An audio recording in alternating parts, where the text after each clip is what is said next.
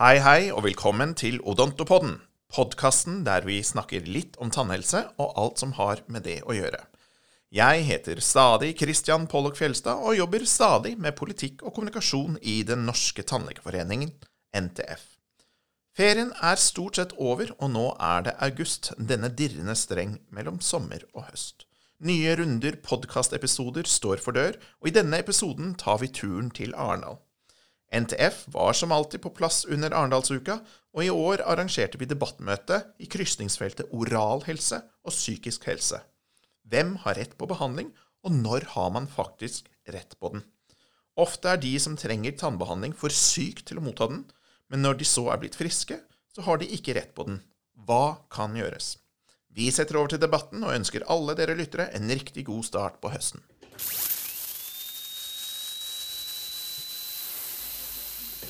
Da er vi i gang. Streamingen er i gang. Jeg tror vi også har gått vekk fra den uh, sliden som var uh, venteslide. Hei og velkommen til dette møtet i regi av Den norske tannlegeforening. I dag skal vi sette fokus på behandling når man er for syk for den, og når man er for frisk til å faktisk ha rett på den. Når er det man faktisk skal komme til behandling, og når er det man faktisk skal ha rettigheter? Hva kan vi gjøre for de som faller mellom flere stoler? Og hvem er det som egentlig opplever dette? Det kan være rusavhengige, det kan være psykisk syke, det kan være de som bare har generelt store helsekriser, eller møter motgang her i livet. Noen ganger har man rettigheter, noen ganger har man ikke det. I dag snakker vi om helse i et stort perspektiv. Vi snakker om fysisk helse, vi snakker om psykisk helse, og vi snakker om sosial helse.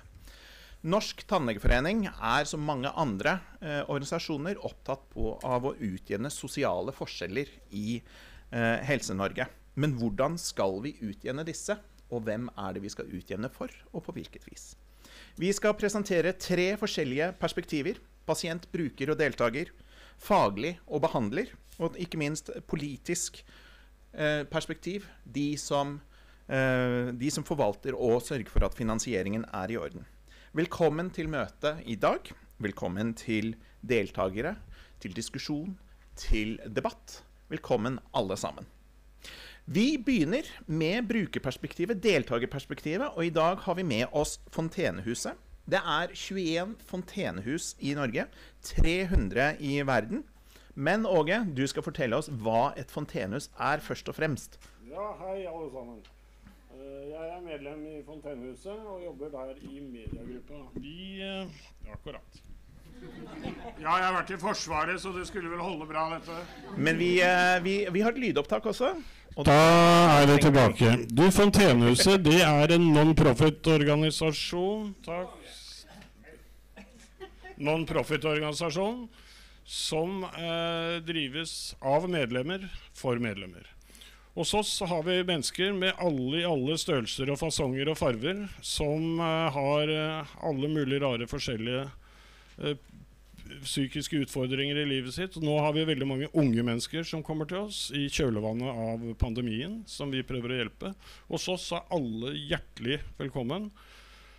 Og du kan finne uh, meningsfylt arbeid å jobbe med, enten du vil jobbe med kjøkken, eller du vil jobbe i mediegruppa, eller du vil jobbe med grønnsakhaven, eller du vil all, alt mulig. Og der kan du snakke med folk som kanskje er i samme situasjon som deg selv. Og det er ingen krav. Du kommer når du vil, du går når du vil. Uh, vi har, som dere ser, så har vi møtt opp uh, mann- og kvinnesterkt her i dag. Og alle disse er mennesker som vi prøver å hjelpe med overgangsarbeid, med å føle seg vel i sosiale sammenhenger og treffe likesinnede. Og det er vel egentlig det vi gjør. Det er å hjelpe mennesker som ramler mellom flere stoler, og som ikke fanges opp i det offentlige. Uh, Ja. og, det, og det er det. Og dere er, dere er der for de som faller mellom de forskjellige stolene. Derfor har vi Fontenehuset. Ikke sant? Og hvem er det du møter på din vei, da? Ja, det skal jeg fortelle. Jeg har skrevet noen notater her på en liten jukselapp. Og da tenkte jeg skulle fortelle hva som skjedde med meg på fredag. Da kom jeg inn på Fontenehuset. Og den første jeg møter, det er Arild. Disse navnene er fiktive. Han er tørrlagt alkoholiker og har to tenner i undermunnen. Alkoholikere får ikke tannlegehjelp. Det gjør de som f.eks. går på sterkere stoffer, eller LAR. Den neste jeg treffer, er eh, Trine. Hun gir meg et stort smil, men med lukket munn. Hun har bulimi.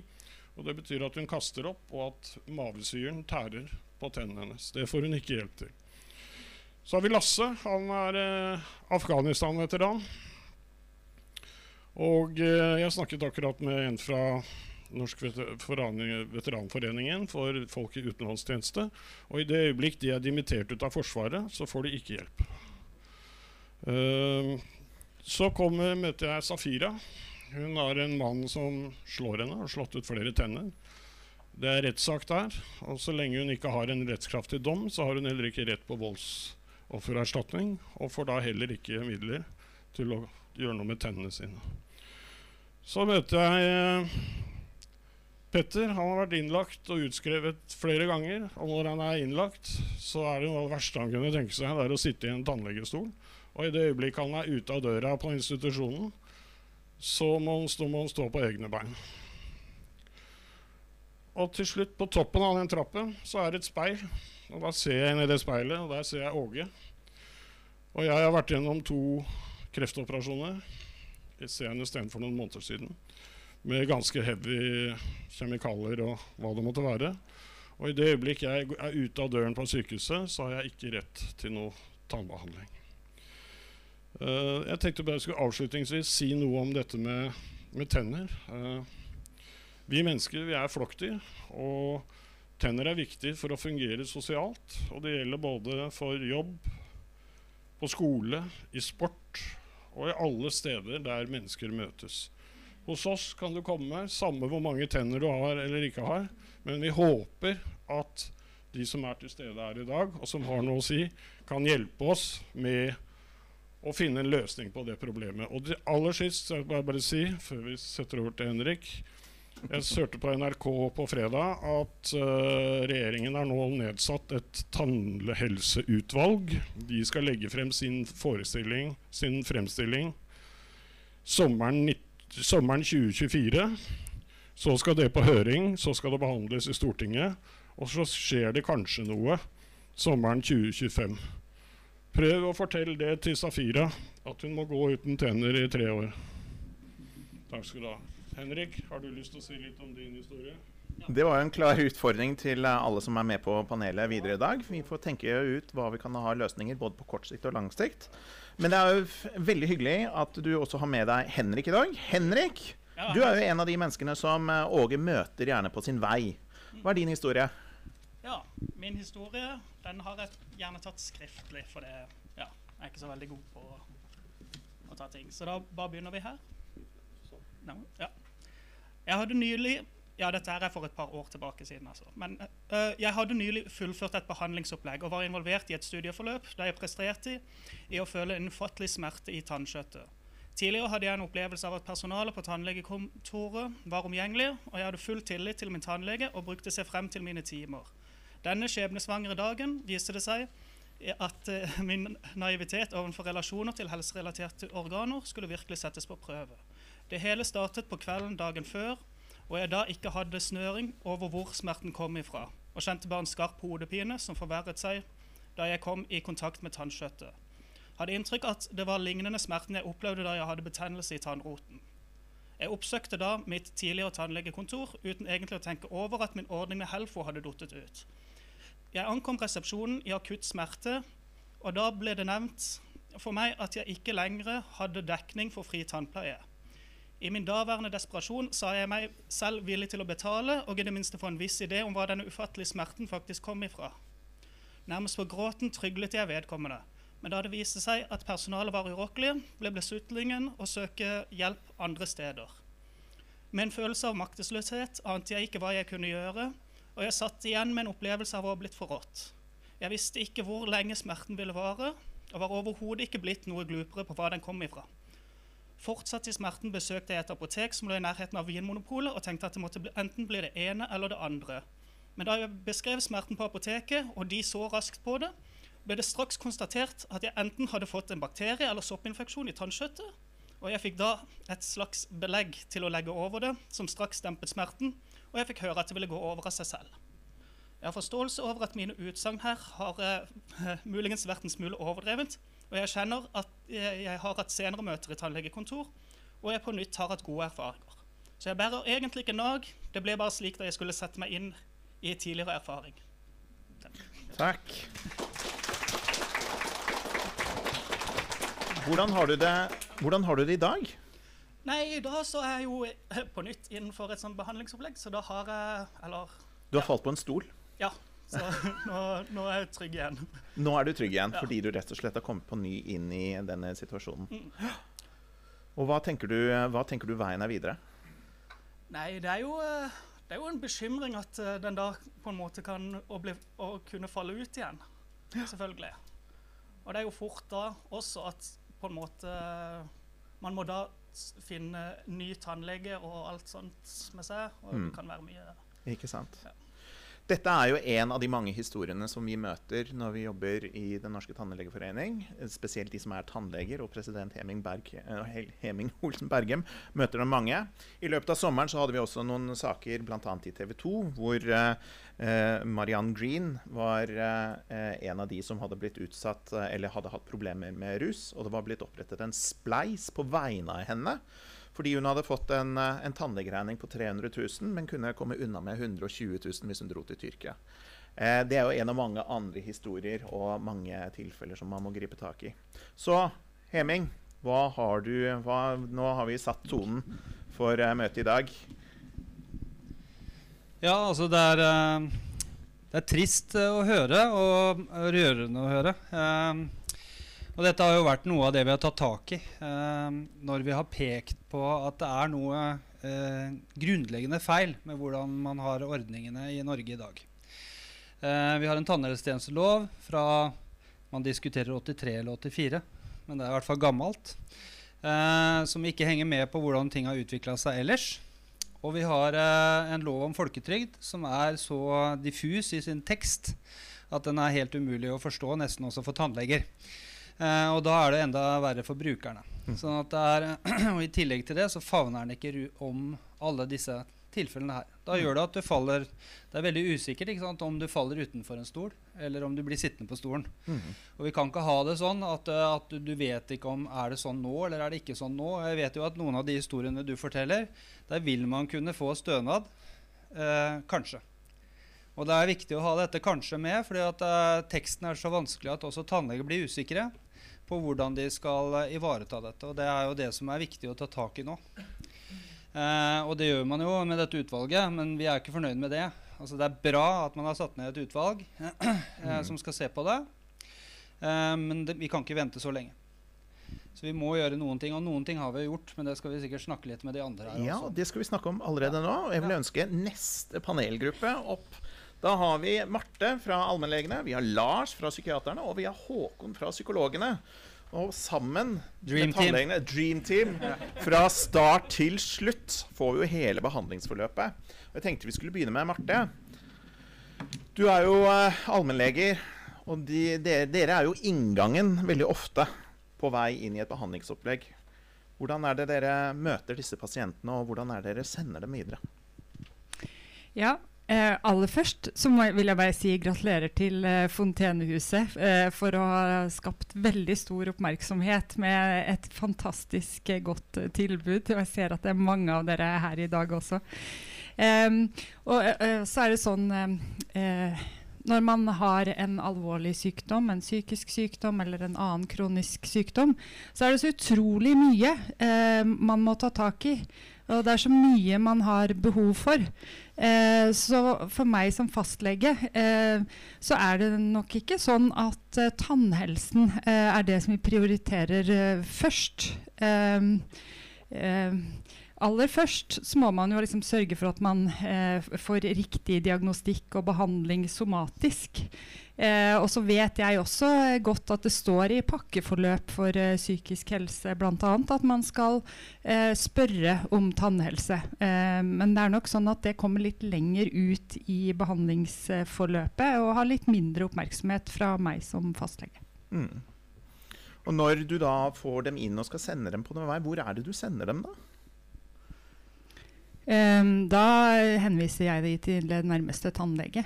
Ja. Eh, Jeg har ikke mer kompetanse enn eh, det. Og så tenker jeg at tannlegen får fordele de videre til riktig sted. Ikke Ja. sant? Men når, for de som skal eventuelt inn i institusjon, da, hvordan er løpet da?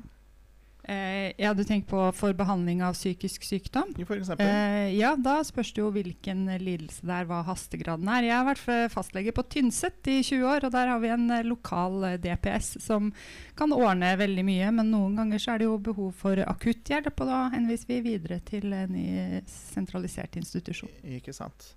Ja, det var jo den DPS-en jeg var uh, ute etter. Og, fordi det, det dette Dreamteamet gjorde for eh, knapt et halvt år siden, det var å sende en, eh, en henstilling til Helse- og omsorgsdepartementet med forslag om hvordan vi allerede nå kan bøte på systemet. Eh, og kanskje Lars fra Psykiaterne kan eh, forklare litt om hva det forslaget er. Og din rolle i, i dette. Altså Problemet med det som er dagens system, da, det er jo som tittelen sier. altså Når man er syk nok til å få tannbehandling, så er man ikke i stand til å ta imot den behandlingen. Eh, og når man er frisk nok til å ta imot behandlingen, så er man ikke lenger syk nok til å få rettigheter. Der ligger problemet, og det er det vi ønsker å gjøre noe med. og det er Derfor vi sa at vi må ha minst seks måneder frisk etter at du er ferdig med behandling innenfor psykisk helse og rus. Så må du fortsatt ha rettigheter til tannbehandling. Mm. Det er clouet, på sett og vis. Ikke sant? Egentlig ønsker vi jo, for å være helt ærlig, en totalendring, slik at det skal være tilgjengelig tannhelsetjeneste på lik linje med all annen somatisk helsetjeneste for spesielt denne pasientgruppen her. Det er målet, Mm. men dette er bare et foreløpig eh, tidsbilde. Mm. Ja. Og da, Hvordan tok du da fredagens nyhet? Og for de som ikke da leser regjeringsprotokoller og, og følger med på Helse- og omsorgsdepartementet sine hjemmesider, da kom det et tannhelseutvalg som skal se på bl.a. hvordan tannhelsetjenesten kan likestilles med andre helsetjenester. Så det er jo en gavepakke. Det er litt sånn jul og 17. mai på samme dag, egentlig. Ikke sant? Og jeg tenker, også har jeg lyst på å si at eh, altså noe av det som er spesielt viktig, det er at for denne gruppen som vi snakker om nå, altså de som, lider med syk, som har psykiske lidelser og ruslidelser, de har store problemer med å integrere tjenestene. Altså Både det å få integrert ruslidelser og psykiske lidelser er vanskelig nok. Når du i tillegg skal integrere somatiske helsetjenester og tannhelsetjenester, og det er et utrolig uklart eh, regelverk, Mm. så er det jo så viktig at vi i hvert fall klarer å integrere oss på tenner og somatikk. Slik at pasientene slipper å koordinere dette forløpet på egen hånd. Ja. Slik at det, Dette er jo bare så viktig, og det er sånn at vi som på sett og vis føler oss rimelig oppgående, også syns det kan være vanskelig av og til. Eh, jeg driver og underviser eh, leger i utdanning innenfor dette feltet her. Vi har tannhelse som et, et av temaene. Og de husker det stort sett ikke etter at de har fått undervisning. Og helsepersonell skjønner det ikke. Slik at det, det blir en sånn her utrolig mangel på tilbud gjennom at vi ikke kan regelverket godt nok, og at pasientene må selv shoppe og koordinere disse tjenestene her. Mm. Og sånn kan vi ikke ha det. Nei. Så det. Jeg ønsker å ta skrittet videre i eh, Og jeg vet ikke, Er det slik at eh, etter, etter man har vært hos psykiateren, så følger man til eh, oppfølging hos psykologen? Eller hvordan er systemet satt? Da skal jeg gi deg et veldig typisk psykologsvar og si at det kommer an på. Ja, selvfølgelig. Så nei, altså Psykologer befinner seg jo på DPS både i polikliniske tjenester og i døgnbehandling. Samme som psykiatere. Sånn at eh, stort sett så er vi gode kollegaer på de ulike stedene. Mm. Eh, fra vårt perspektiv så tenker jeg at eh, jeg er jo fullstendig enig med forrige taler eh, i alle poengene som blir trukket fram der. Men så ønsker jeg bare å dvele litt ved eh, noe av det som jeg tenker eh, også er vesentlig her. Og det er for det første det at årsakene til dårlig tannhelse kan være veldig varierende. Så det er viktig når vi snakker om psykisk lidelse, at det er ikke en ensartet gruppe. Det er en veldig sammensatt gruppe. Sånn at du har nettopp grupper med pasienter som eh, enten har alvorlige rusproblemer, som eh, har effekter på tannhelsen, eh, eller alvorlig psykisk lidelse, som har effekt på tannhelsen, eller som har eh, f.eks. overgrepsrelatert problematikk, som gjør at det er en Mm. motstand mot å oppsøke tannhelsen. Mm. Eller tannhelsetjenesten. Så det er jo viktig nettopp at eh, vi har med oss at denne gruppen er sammensatt. Og så vil jeg bare også eh, peke på det at noe av det som vi ser når det gjelder behandling innenfor psykisk helsevern, så er det nettopp at uh, de mest sårbare pasientene er også de som er mest sårbare overfor manglende samhandling. Sånn at det vil jo da uh, si at uh, det skal bare én del av tjenestetilbudet som ikke henger med, til for at behandlingen kan risikere å rakne. Sånn at man trenger en samtidig innsats på de ulike delene av pasientens helsebehov Mm. for å kunne faktisk effektuere endring. Og Det tenker jeg er vesentlig for tannhelse, som det er for somatisk helse og som det er for psykisk helse. Mm. Og så tror jeg altså nettopp det som Heming er inne på, at eh, jeg tror intensjonen i det opprinnelige lovverket det var jo nettopp at man skulle få rett til tannhelsebehandling når man hadde behov for det fordi at man eh, hadde psykiske problemer. Men så har det vært faglig utvikling i tjenestene siden den tid som gjør at lovverket er akterutseilt. Mm. Nettopp fordi at døgnbehandlingsperioden er blitt kortere, og man får mer hjemmebehandling og mer poliklinisk behandling. Og Derav, som Lars så spissformulert og fint sier, når man er så syk at man har rett til behandling, så er man for syk til å ta imot den. Mens når Mm. man er frisk nok til å ta imot behandling, så har man ikke lenger rett til den. Eh, og man kan jo si at uh, I 1996 så var vel antall liggedøgn uh, alt etter hvilken pasient vi snakker om, men det var jo i gjennomsnittlig på 76 timer Nei, 76 timer! 76 døgn! Eh, og de siste tallene ligger på 17-18. Så man er jo i hurtigtog gjennom hele systemet, og det gjør jo at du egentlig bare holder på med akutt intervensjon, og så kan du egentlig ikke altså, sette i gang det andre i det hele tatt. Marte, du tegnet det. Det var egentlig bare for å presisere det siste som Håkon sa der også, at vi husker på det. da, fordi s- Sykdom er da årsak til at man ikke får fulgt opp tannhelsen. Eh, og så da har man en rettighet til å få dekket tannbehandling, eh, men kan ikke prioritere den akkurat da, for man må prioritere noe annet som er viktigere. Eh, og idet man da eh, har muligheten til å følge det opp, så har man ikke noe rettighet til å få det dekt lenger. Så det er det politikerne må Nå ser jeg på deg. må, må skjønne eh, at dette blir en følgetilstand. Det er sykdom som er årsaken, og så blir det en følgetilstand. og Da burde man ha en rettighet til å få dekt den behandlinga i, i den perioden når man har mulighet til å ta imot behandling. Ja, bare fordi vi er nå ikke bare inne og snakker om Fordi dere snakker om penger og, og juridiske retter eh, at the end of the day. Men et aspekt ved dette her handler jo også om sosial helse. Det handler om at de som gjerne er syke, er i en utsatt gruppe fra før. Jeg Altså, det ligger mye der også. Absolutt. eh, Og det, da handler det jo også for hver enkelt eh, om økonomi. Eh, og det handler om at eh, sykdommen medfører at det er eh, vanskeligere å ha god eh, egenomsorg. Eh, og sykdommen medfører også at det er større risiko for å ha andre sykdommer eh, og behov for eh, medikamenter. Eh, og vi vet jo det. eh, Faglandsrådet i Legeforeningen skrev en eh, resolusjon om sosial ulikhet i helse og somatisk sykdom. At pasienter med psykisk sykdom eller ruslidelse har betydelig overdødelighet av somatisk sykdom, altså annen sykdom også. Det vet vi jo. Mm. Da har eh, både Lars Heming og Håkon tegnet seg, så det tegner seg ikke til å bli eh, Ja, myndigere er vel kanskje ordet snart. Lars, vær så god. Jo, takk. Jeg bare passer bra, for jeg bare følger opp det Marte sier. fordi at eh, altså Vi vet jo at de som sliter med psykisk lidelse, lever altså 10-15 år kortere enn resten av befolkningen.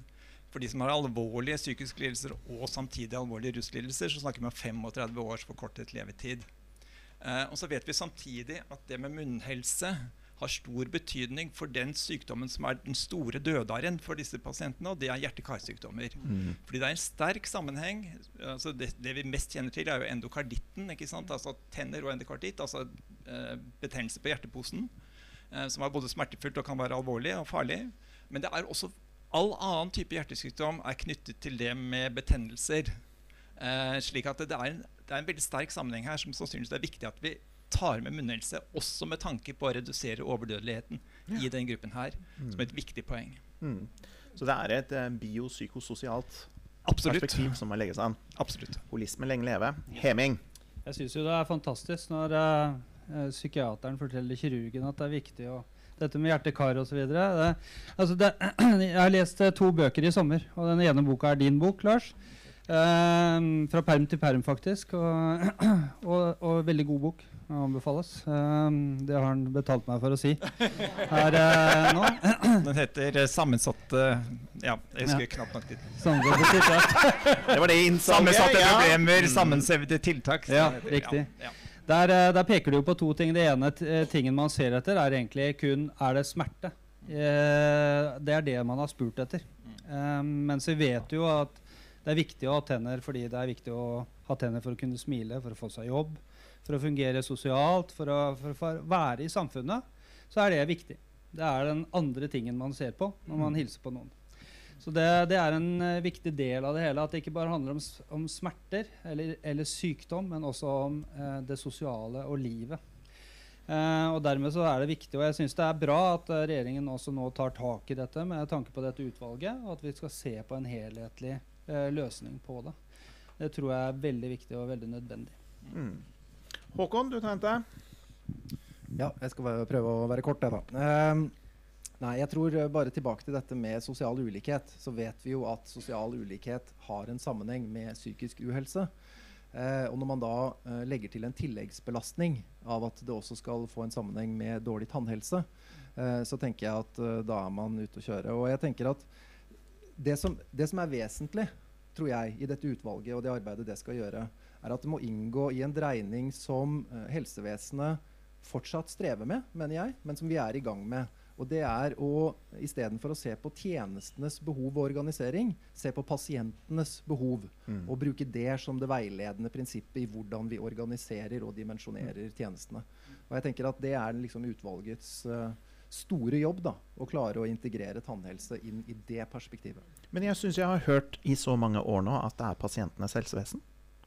Det er nettopp det. Det er derfor jeg sier at helsevesenet strever fortsatt med noe som har vært ja. en intensjon i veldig mange år.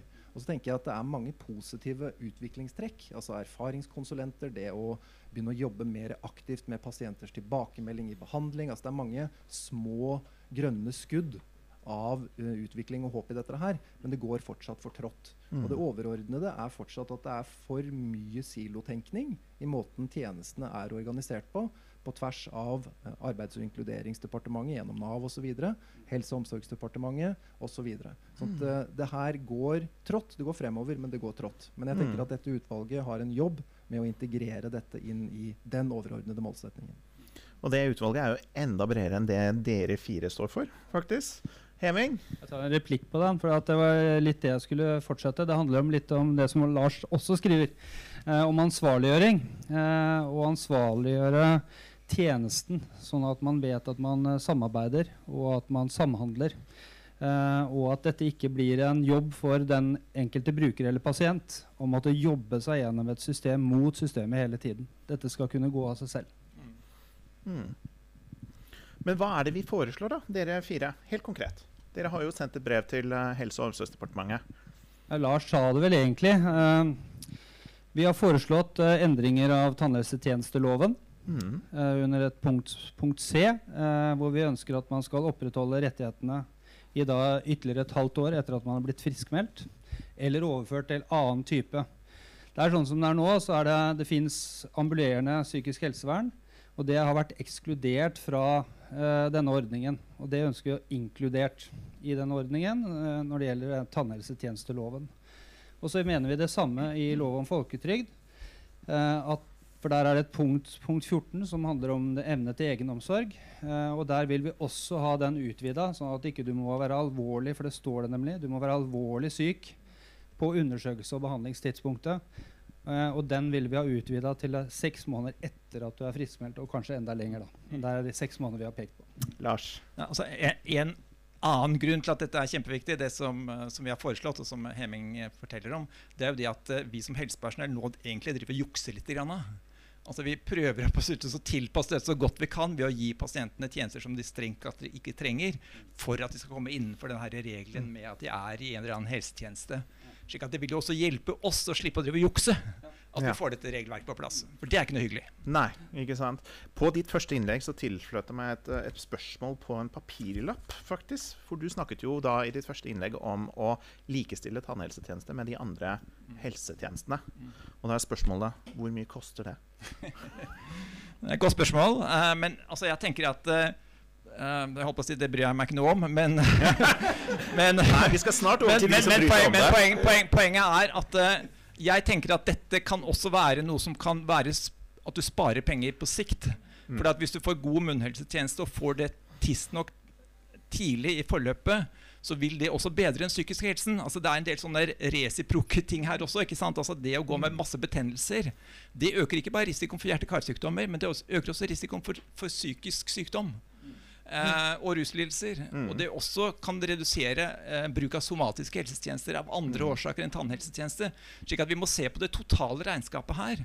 Og så er det et eller annet med at dette er, samfunns, det, det er samfunnsmessig eh, riktig fordi at dette er en pasientgruppe som er utsatt. Mm.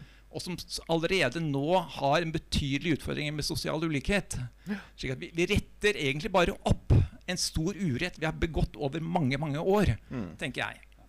Og da er det jo dette spørsmålet Skal vi vel vente på det utvalget da? Eller tenker vi at eh, vi kan gjøre noe på veien allerede? Altså, ja, ja. Marte.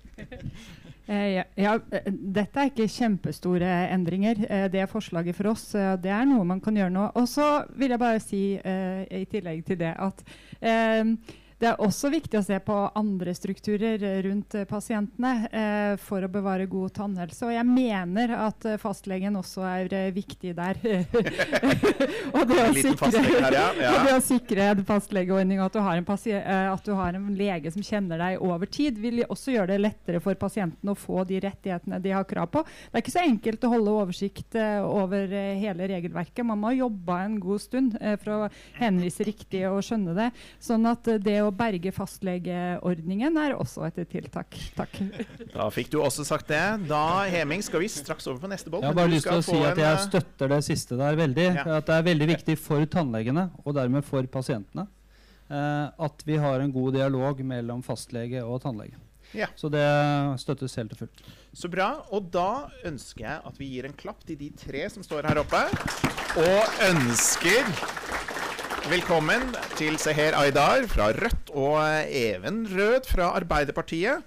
Folka med penga, folka som sitter med makt i regjering, og folk som er i opposisjon. Eh, og jeg bare tenker eh, Vi kan bare begynne stort og ledig. Hva tenker du på, Even? Hva Nei, jeg tenker jo at eh, her har vi masse å gjøre. Eh, og uh, regjeringa har gjort det helt klart. eh, og det er at eh, vi mener at vi må gjøre noe med tannhelsetjenestene. Vi har sett, eh, satt ned et utvalg. Så kan man diskutere om det jobber fort nok eller ikke. Og vi har sagt at vi har et mål om å på sikt likestille tannhelsetjenestene med eh, det øvrige helsevesenet. Mm. og så er det også viktig å si, og jeg har veldig stor sympati for den gruppa vi prater om her i dag. Det er kjempeviktig at vi klarer å løse de utfordringene. Samtidig så er det også sånn på tannhelsefeltet at eh, jeg og Seher er på møter med veldig mange forskjellige grupper innenfor tannhelsetjenestene som opplever at de ikke får god nok behandling, at man ikke klarer å forebygge, ikke klarer å løse de tannhelseutfordringene man har. Eh, og det mener jeg også er et ganske godt argument for at vi trenger den helhetlige gjennomgangen. For jeg skulle gjerne løst problemet akkurat i denne situasjonen, men så er det en fire, fem, seks, sju, åtte andre grupper som også eh, er i veldig prekære og utfordrende situasjoner som vi trenger å løse. Derfor så mener jeg at skal vi løse utfordringene på tannhelsefeltet, så trenger vi også en helhetlig gjennomgang av, eh, av eh, tannhelsefeltet. Eh, Og det er det den eh, utredninga eh, skal gjøre. Og det tar litt tid, fordi at eh, fordi at eh, vi, eh, vi, vi klarer ikke å finne svara på veldig veldig kort tid. Men så er det også viktig å si at vi har også et, et prosjekt i sykehusene, i spesialisthelsetjenesten, som, eh, som handler om det tverrfaglige arbeidet knytta til tannhelse i sykehusene. Det er en eh, parallell prosess, eh, og som også vil kunne inkludere en del av, av de som er i den gruppa her. Så vente på utvalg, to års tid, se om det kommer en, eh, en stortingsmelding. Da har vi bips i 25 neste stortingsvalg allerede. Det kan jo hende at tannhelse, som i fjorårets eh, stortingsvalg, blir eh, en ganske stort slager i 2025 også. Men før den tid, se her, så er kanskje du representant for de som er litt mer utålmodige. Ja, eh, og jeg er ikke utålmodig bare på vegne av meg selv. Jeg har faktisk råd ja, til å dra til tannlegen en gang i året. Eh, og forebygge ganske mye. Jeg er utålmodig på vegne av alle som går rundt med smerter og lidelser år etter år, og tannlegeregninger de ikke har råd til å betale. Eh, og det er egentlig det det handler om. Eh, og jeg er helt enig i at det er ganske mange grupper eh, som vi møter, som nettopp er i den situasjonen. Eh, og min, eh, det er jo ingen hemmelighet at Rødt vil ha en tannhelsereform, og vi vil ha den ganske rask. Og jeg mener jo, også, Vi har hatt en regjering som ikke har ønsket å gjøre tannhelse gratis. Som ikke ønsket å likestille tannhelse med andre helsetjenester. Nå har vi en regjering som sier at de vil det.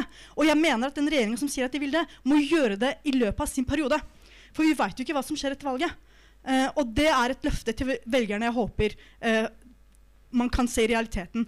Og så er det jo sånn da, at når jeg vil uh, at alle skal kunne gå til tannlegen på samme måte som andre helsetjenester, så kommer jeg også til å være for enhver utvidelse av den rettigheten. Og i dette tilfellet så er det egentlig ganske moderat forslag. Og, og de seks månedene det er snakk om, eh, er egentlig eh, så et minimum. Jeg ser på det som et ganske liten minimum. Og at fire store, viktige organisasjoner foreninger, har gått sammen om det lille minimumet for en eh, gruppe eh, som trenger det så sårt, mener jeg er et viktig signal om at det kan man gjøre uten å vente på uh, at den, uh, det utvalget er ferdig med arbeidet sitt. Mm. For det her handler om uh, Lars var inne på, han sa 10-15 år. jeg trodde det var 15-20 år, kortere, men det er iallfall ganske mange år. kortere levetid. Og det viser seg jo at vi som politikere, vi som helsepolitikere har et ansvar for nettopp dette. og da må vi levere. Og så tenker jeg jo, bare helt avslutningsvis Når antall døgnbehandlinger går ned. Folk blir skrevet ut tidligere. Det er eh, svingdørspasienter etter svingdørspasienter det er mye usikkerhet. Det er ganske mange mennesker som ikke får den hjelpa de skal ha, når de skal ha det, allerede i psykisk helse. Sånn er det også innenfor tannhelsetjenester. Når det er eh, disse to utfordringene som møter hverandre, og det finnes et forslag som enkelt kan løse noe av problemet for en stor gruppe, så mener jeg det skulle bare mangle at vi kunne gjøre det. For for noen år siden ville kanskje flere av de hatt muligheten, fordi de var eh, innlagt, de var en del av systemet. Men flere og flere, som du var inne på, kortere døgntid, flere og flere faktisk blir kasta ut og blir overlatt til seg selv. basically. Eh, og da er vi nødt til å i det minste gi dem det tilbudet. Så jeg tenker at det høres ut som et ganske moderat minimumforslag som man burde støtte. Mm. Ja, fra det store til det lille, da. Hvordan kan vi jobbe med posisjonen på dette? Nei, altså, eh, Det er jo sånn som dere gjør nå i dag. Eh, og vi er jo ikke, altså, det, er viktig å si da, at eh, de vedtakene vi har gjort i Stortinget, også, og det vi har satt i gang i regjeringen nå, både med forsøksordninga i spesialisthelsetjenesten, altså sykehusene, og utredninga som skal fullføres sommeren 24, og da har vi tid til å gjøre grep før, før stortingsvalget er, er, er over, så er jo denne regjeringa en av Eller denne regjeringen på veldig veldig, veldig mange år som har gjort størst grep på tannhelsefeltet. Mm. Og som har vist størst intensjoner om å faktisk løse utfordringene vi har på tannhelsefeltet. Mm. Og det inkluderer veldig mange Arbeiderpartiregjeringer tidligere også. Så, så eh, å, å, beskrive det som om vi liksom eh, er, er treige og vanskelig å ha med å gjøre her, det mener jeg er eh, ikke, ikke, en riktig måte å beskrive virkeligheten på. Eh, og så, så, er det jo enkelt for Seher, som eh, sitter i opposisjonen, eh, å nå si til eh, gruppa som er her i dag, som jeg også har veldig veldig stor forståelse for den situasjonen Veldig enkelt å si det fikser vi, for det er et minimumsforslag. Men så møter jeg da kanskje i løpet av Arendalsuka tre grupper til. Da vil Seher også kunne si at det er et minimumsforslag. La oss gjøre det. Mm. Utfordringen er at vi har utfordringer på en breiere front innenfor tannhelsene, mm. tannhelsetjenestene. Og da er vi nødt til å se, se det i en, i en, helhet, sånn at mm. hele systemet fungerer godt. Det mener jeg er eh, god politisk styring av et, et, område som har hatt altfor lite politisk styring mm. eh, over altfor lang tid. Eh, og jeg mener det må til, ikke fordi at vi er treige, men rett og slett fordi at det er gjort for lite på området fra før av, som gjør at vi har en mye større jobb å gjøre, en mye større eh, arbeid å gjøre nå for å faktisk klare å få retning på, på feltet, som gjør at eh, eh, både de vi prater om i dag, men også alle de andre gruppene får mm. bedre tannhelsetjenester i framtida. Eh, og at flere opplever eh, at de slipper å ha vondt i munnen eller veldig veldig vondt i lommeboka.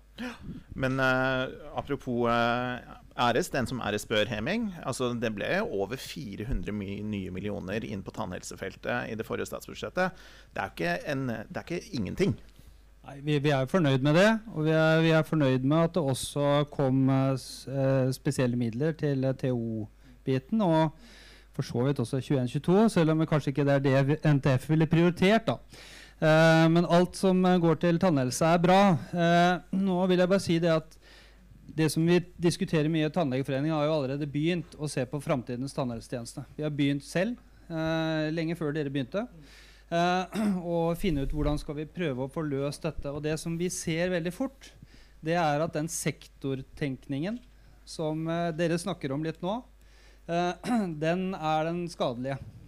Eh, hvorfor gjorde man ikke, når man begynte å utvikle det psykiske uh, altså helsefeltet eh, Hvorfor ser ingen da at det får konsekvenser for andre deler av helsevesenet? Mm. det blir liksom veldig sånn sektortanking, eller tankegang, og så, og så, detter ting ned, og så blir det sånne store prosjekter som man må løse etterpå. og her tenker jeg at det er viktig både fra alle disse mine eminente eh, medarbeidere på dette. Eh, at vi samlet også er med på å peke på dere politikerne at dere må huske liksom alle feltene når dere nå begynner å touche i ett. Så vil det påvirke de andre. Og Det er en, en viktig, viktig, prosess som må tas videre. Da. Det er viktig for utvalget eh, å gjøre akkurat dette også. Mm. Alt henger sammen med alt. Se her. Ja, så klart gjør det det. Eh, og det er derfor det er egentlig helt riktig å utvide det med seks måneder. Eh, og det forslaget er riktig. Og så vil jeg bare si til det Even sier i forhold til at eh, mest sannsynlig kommer ser til å eh, dra på et annet møte og si ja til det òg. Og hvis det gjelder tannhelse, så er det helt riktig at jeg kommer til å gjøre det. Uh, det er fakta. Uh, så det kan jeg si. F.eks. overgrepsutsatte. Jeg kommer til å si ja, mer penger. Uh, og det som er greia er at det er mulig å gjøre det. Det, det, var et spørsmål i stad hvor mye koster det. Jeg kan svare på det, for det koster skikkelig masse. Um, Rund sum. Uh, rundt sum uh, Finansdepartementet sier rundt uh, 12 milliarder kroner. Mm. og det høres mye ut, og det er det. Men det er sånn at Rødt i våre alternative statsbudsjett bevilger 3 milliarder litt over det eh, årlig. Eh, det går an å gjøre det. Hvordan gjør vi det? Jo, gjennom å skatte de som allerede har mest. F.eks. selskapsskatten. Jeg skal ikke gå veldig mye inn i skattepolitikken. Hvis vi bare drar den tilbake til på det nivået det var da Jens Stoltenberg var statsminister i Norge. Det er ikke veldig radikalt. Det er tidligere Arbeiderparti-regjering med 1 prosentpoeng hvert år så vil vi ha råd til tannhelsereform. Og vi vil i tillegg ha litt penger til overs. Uh, så det er fullstendig mulig å gjøre det. Det handler om hvordan vi prioriterer. Så grunnen til at jeg kan si ja, vi vil inkludere den gruppa også, er jo fordi at vi hvert eneste år bevilger de pengene fordi vi prioriterer annerledes. Vi mener de som har mest, kan bidra mer, sånn at de som sliter med den lommeboka eller med den munnen, at de faktisk kan få den hjelpa de trenger. Det er jo sånn vi finansierer helsetjenestene våre. Mm. Det er ikke en ny tankegang. Det er ikke revolusjonerende tankegang. Det er jo sånn vi tenker med alle helsetjenester i Norge. Det er sånn vi tenker med sykehus. Med fastleger burde jeg tenkt mer sånn. Men eh, med andre helsetjenester. Og det er ingen grunn til å utelukke tenna fra det. Det ble sagt tidligere at det eh, skaper andre sykdommer. Altså, når vi snakker om denne levealderen som blir lavere, så kan ikke vi utelukke eller undervurdere egentlig tennas eh, på en måte rolle i dette her. Da. For det er snakk om både hjerte- og karsykdommer, som det ble sagt, men også ernæring. Det er mye vanskeligere å spise. Eh, mye vanskeligere å være sunn. Mye henger sammen med mye. Eh, og da kan ikke vi eh, gå så sakte. Jeg ønsker disse uh, tiltakene veldig velkommen. Jeg synes det er kjempebra. Jeg er veldig glad for at vi har en regjering som sier at de vil gjøre noe med det. Men det er smuler i forhold til hvor stort problemet er. Og det er der jeg vil ha en fortgang. Og så sier regjeringa i tillegg i, i Hurdalsplattformen at de vil sikre på en bedre måte at de som allerede har rettigheter uh, til uh, gratis og offentlig tannhelsetjeneste, de skal um, få det på et riktig, og de skal få et riktig og godt tilbud. Og jeg mener Det punktet i Hurdalsplattformen er et veldig godt punkt å følge opp med det forslaget som disse fire foreningene har kommet med. Veldig god start, fordi De har allerede mulighet, men det kan gjøres på riktigere og god måte. Fordi hjelpa den må komme. Da trenger vi både økonomi, men da trenger vi også at det kommer på riktig tidspunkt. Altså når de kan ta imot den hjelpa de trenger. Ja, Even, Hurdalsplattformen har kanskje møtt en litt annen virkelighet etter at den ble skrevet også? Ja, altså uh, Igjen, da. Uh, Heming snakker om helhet. Uh, vi snakker om skattepolitikk. Hvordan skal vi finansiere og hele den biten her. ja, Rødts politikk har også møtt en annen virkelighet. og det er at vi står i en helt annen situasjon knytta til inflasjon og alle disse tingene. Men jeg, jeg syns ikke det er en relevant del av debatten. ikke sant? Fordi at det her er noe vi må klare å, klare å få til. Grunnen til at vi bruker tid, er fordi at det er komplisert å klare å snu dette i riktig retning. Også hvis Rødt hadde sittet i regjering og skulle gjennomført en tannhelsereform, så hadde det tatt mer enn det det virker som nå. at det skulle tatt et par uker, så var det på plass. Eh, dem også måtte gjort utredninger, dem også måtte gjort gjennomganger, akkurat som vi er nødt til å gjøre nå. Det, det er faktisk sånn du styrer et land, eh, og det må vi, eh, må vi, forholde oss til. Og til den helheten, da. Eh, nå er vi i gang med eh, å, legge fram eh, på fastlege. Kjempeviktig, også når det kommer til tannhelse. Eh, forebyggings- og behandlingsreformen eh, er også viktig. ikke sant? Mye knytta til rusbehandling er også viktig når det kommer til tannhelse. Og opptrappingsplan psykisk helse, i tillegg til ut utredninga nå på tannhelse. Her har vi ikke sant, et veldig brei front mot akkurat den gruppa vi snakker om her, som regjeringa igangsetter og bruker de store penga på. Eh, det er kjem en kjempesatsing. Men så er det ikke sånn i, i, i den politiske virkeligheten at jeg kan eh, bestemme meg på Arendalsuka i dag, og så kan jeg prate med Ingvild Kjerkol, helseminister, i morgen, eh, og så har vi gjennomført over i morgen. Sånn fungerer dessverre ikke eh, dette systemet. Det er noe mer tidkrevende enn så. Selv om jeg skulle ønske at det var helt annerledes, eh, så er det faktisk sånn, eh, sånn vi må, eller det er noe vi må forholde oss til. Reformer må utredes, se her. Altså, den gode nyheten da, Even, er at det er ingen som tror at det gjøres på to uker. Eh, så det, det, er på en måte det er greit. eh, det vi har sagt, er at vi år for år vil fase inn flere grupper. Eh, så det er jo en innfasingsjobb som må gjøres. Eh, det skjer ikke sånn, men det som jeg savner, er at den innfasingen skal starte. Eh, og da kan man starte med utvide de som allerede har rett på det tilbudet. Det er en god måte å starte på, for da trenger du ikke gjøre veldig store endringer, veldig store eh, utredninger, men du kan faktisk inkludere de gruppene. For det er veldig lett å framstille som at bare fordi vi sier at vi vil ha en tannhelsereform og vi vil innfase det år for år, at man sier sånn å, de vil bare ha masse ting. Det er helt riktig at vi vil ha masse ting, så klart, fordi det er masse som mangler. Men vi er jo også realistiske. Vi skjønner jo at det ikke går på dag én. Vi sier jo at i løpet av fire år for eksempel, så må det være mulig. Eh, det er ganske lang tid, det, egentlig. Eh, og det er ikke kort tid. Så det er ingen som er uenige i at vi trenger å gjøre en grundig jobb, at vi trenger å tenke helhetlig, og at det tar tid. Det jeg er utålmodig på, er at det arbeidet, utredningsarbeidet starter, men jeg mener innfasingsarbeidet, altså praksisen, også den kan starte allerede ved statsbudsjett som kommer neste gang. Det er ikke snakk om retning, det er snakk om fart. Even? Ja, og jeg mener jo at farten allerede er til stede. Vi har uh, økt TO-ordninga fra 80 til 180 millioner. En kjempeviktig ordning for eh, også den gruppa her på et annet tidspunkt. Vi er i gang med en forsøksordning i sykehusene som kommer til å gå parallelt. Dvs. Si antageligvis konkluderes før vi konkluderer eh, hovedutredninga av det offentlige utvalget. Det er, det er, å sette tempo. I tillegg så, så, så, så har vi vist, vi har vist, helt klare ambisjoner om å, om å, sette i gang det arbeidet og, og gjøre helt tydelige grep på, på feltet. Eh, og så tror jeg igjen da, at eh, ja, eh, jeg er enig i at vi må ha en innfasningsordning. Eh, selvfølgelig må vi det. Men eh, jeg tror også det er veldig fornuftig at vi gjør, en, gjør, oss opp en mening om hva skal fases inn først, på hvilket tidspunkt, og, eh, og, hvilken retning er det vi skal ha på det. Det mener jeg er viktig. og jeg mener at, at, vi gjør det på en bedre måte ved å gjøre de vurderingene også på lag med, med tannlegene og, og, andre aktører i samfunnet, sånn at vi finner ut at ok, men vi går denne veien her. det er den riktige å, å sette i gang med. Et eksempel på hva som kan skje, hvis vi, eh, hvis vi, havner i den situasjonen, er jo at veldig mange nå er misfornøyd med at vi har gitt 50 eh, 20- eh, og 21-åringer. Eh, det mener jeg er et veldig godt tiltak, fordi det er med på å bidra til å forebygge. Alle er ikke enig i det. 20- og 21-åringene er veldig enig i det. Studentene er veldig enig i det.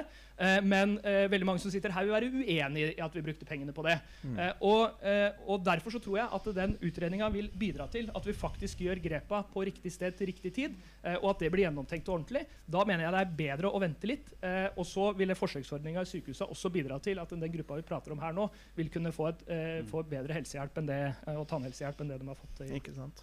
Det høres ut som uh, regjeringen har en plan, Heming? Ja, jeg, jeg syns det er veldig bra. Altså, vi er veldig positive til det. Uh, for vår del, altså Dream Team igjen Grunnen til at vi starter med psykisk helse og ROP, da, lidelser, det er jo nettopp fordi at her vet vi mye. Her vet vi mye om hva, vil, hva samfunnet vil få tilbake ved nettopp å satse innenfor dette. Uh, mens det vet vi ikke i så stor grad på 21-22. Vi vet egentlig veldig lite om uh, tannhelse i det hele tatt. Uh, men vi vet ganske mye på det psykisk helsefeltet. Mm. så derfor var det helt naturlig at det var det, det første vi startet med nå. Det betyr jo ikke at dette er slutten. Dette er en begynnelse, og vi mener at det er en så viktig gruppe, sånn samfunnsmessig og helhetlig, ikke bare helsemessig. Mm så er det veldig viktig at den gruppen nå blir løftet opp, at det skjer noe med den gruppen eh, lenge før vi er ferdig med utvalgsarbeidet. Ja. Så det tror jeg det er kanskje det som vi vil Vi kommer til å fortsette å presse på det, for å si det sånn. Mm. Så bra. Det, jeg tror nok vi har vært innom de store hovedpunktene som uh, disse to partiene kan uh, prestere. Og vi har fått uh, snakket litt om hva NTF mener. Men vi har også en studentforening, så jeg vil gjerne takke av Even og Seher fra henholdsvis Arbeiderpartiet og Rødt. Og ønske velkommen Stine Arnesen, leder av NTF Student og en blivende tannlege. Ja, tar du mikrofonen og tar du ordet? Hva tenker du? Uh, ja, hei. Uh, nei, jeg møter jo litt pasienter i min hverdag. Jeg begynner nå på mitt femte år. Uh, hadde litt pasienter som faller i nettopp den gruppa vi snakker om i dag. Uh, og som jeg får i halv pris. Men jeg syns det er uverdig å Åh, gud. Jeg ble så rørt av din historie, altså. Si du litt mer. Ja, nei, vi er like Hvis du begynner, så begynner jeg. så eh, Ja, nei, jeg hadde jo en pasient som måtte søke Nav for å få fortennene sine. mm. Åh. jeg syns det var så uverdig. Og det er det vi kjenner litt på når vi har diskutert rundt det med at man må inn i spleis. Eh, at man må inn i alle disse ordningene for nettopp å få Bare for det å kunne få og smile. Da. Ja, Være ute blant Eh, folk. Å være ute blant folk. Når vi vet hvor viktig det nettopp er for den psykiske helsa og, og generell helse og, og det sosiale livet. Så det er, Ja. Men hva er det du tar med deg fra denne debatten vi har hatt i dag, da, Stine? Nei, dette må vi få på plass asap. Mm. Virkelig. Man kan ikke be folk som ikke har det bra, Mm. å bare gå til en student. Mm.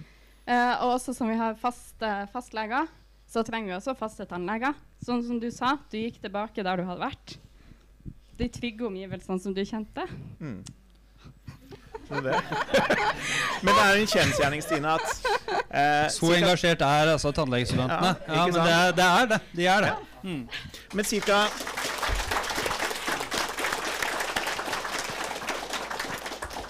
Cirka tre av fire ta tannleger jobber i privat sektor. Mye av det utvalget som vi har eh, blitt kjent med fra fredag i løpet av denne helgen og fått snakket om eh, litt i dag, de legger jo an til at eh, staten skal ta mer ansvar.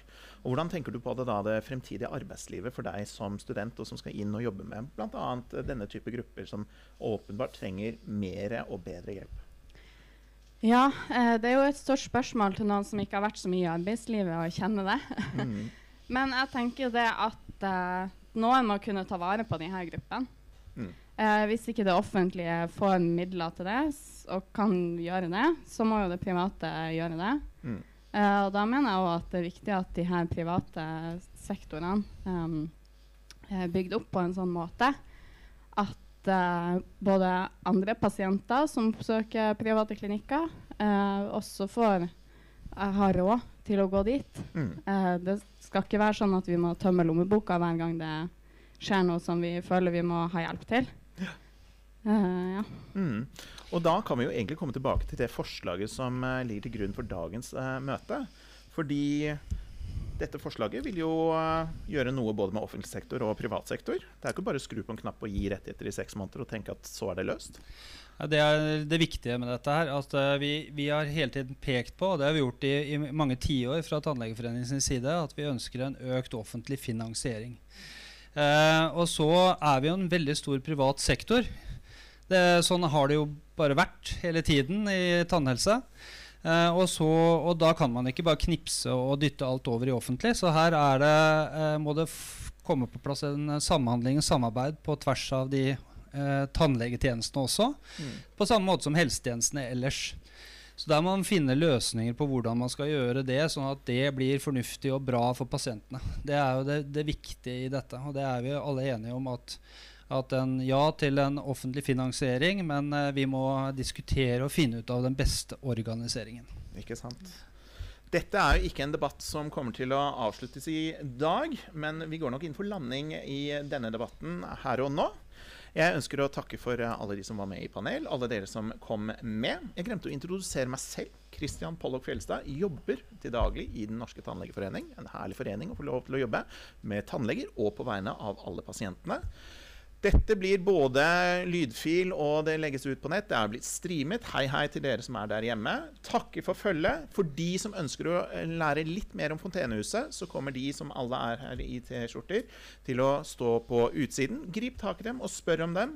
Eh, spør om hva, hva deres historie er. Grip tak i et visittkort eller en brosjyre. Og så ønsker jeg dere en hjertelig god Arendalsuke videre. Takk for i dag.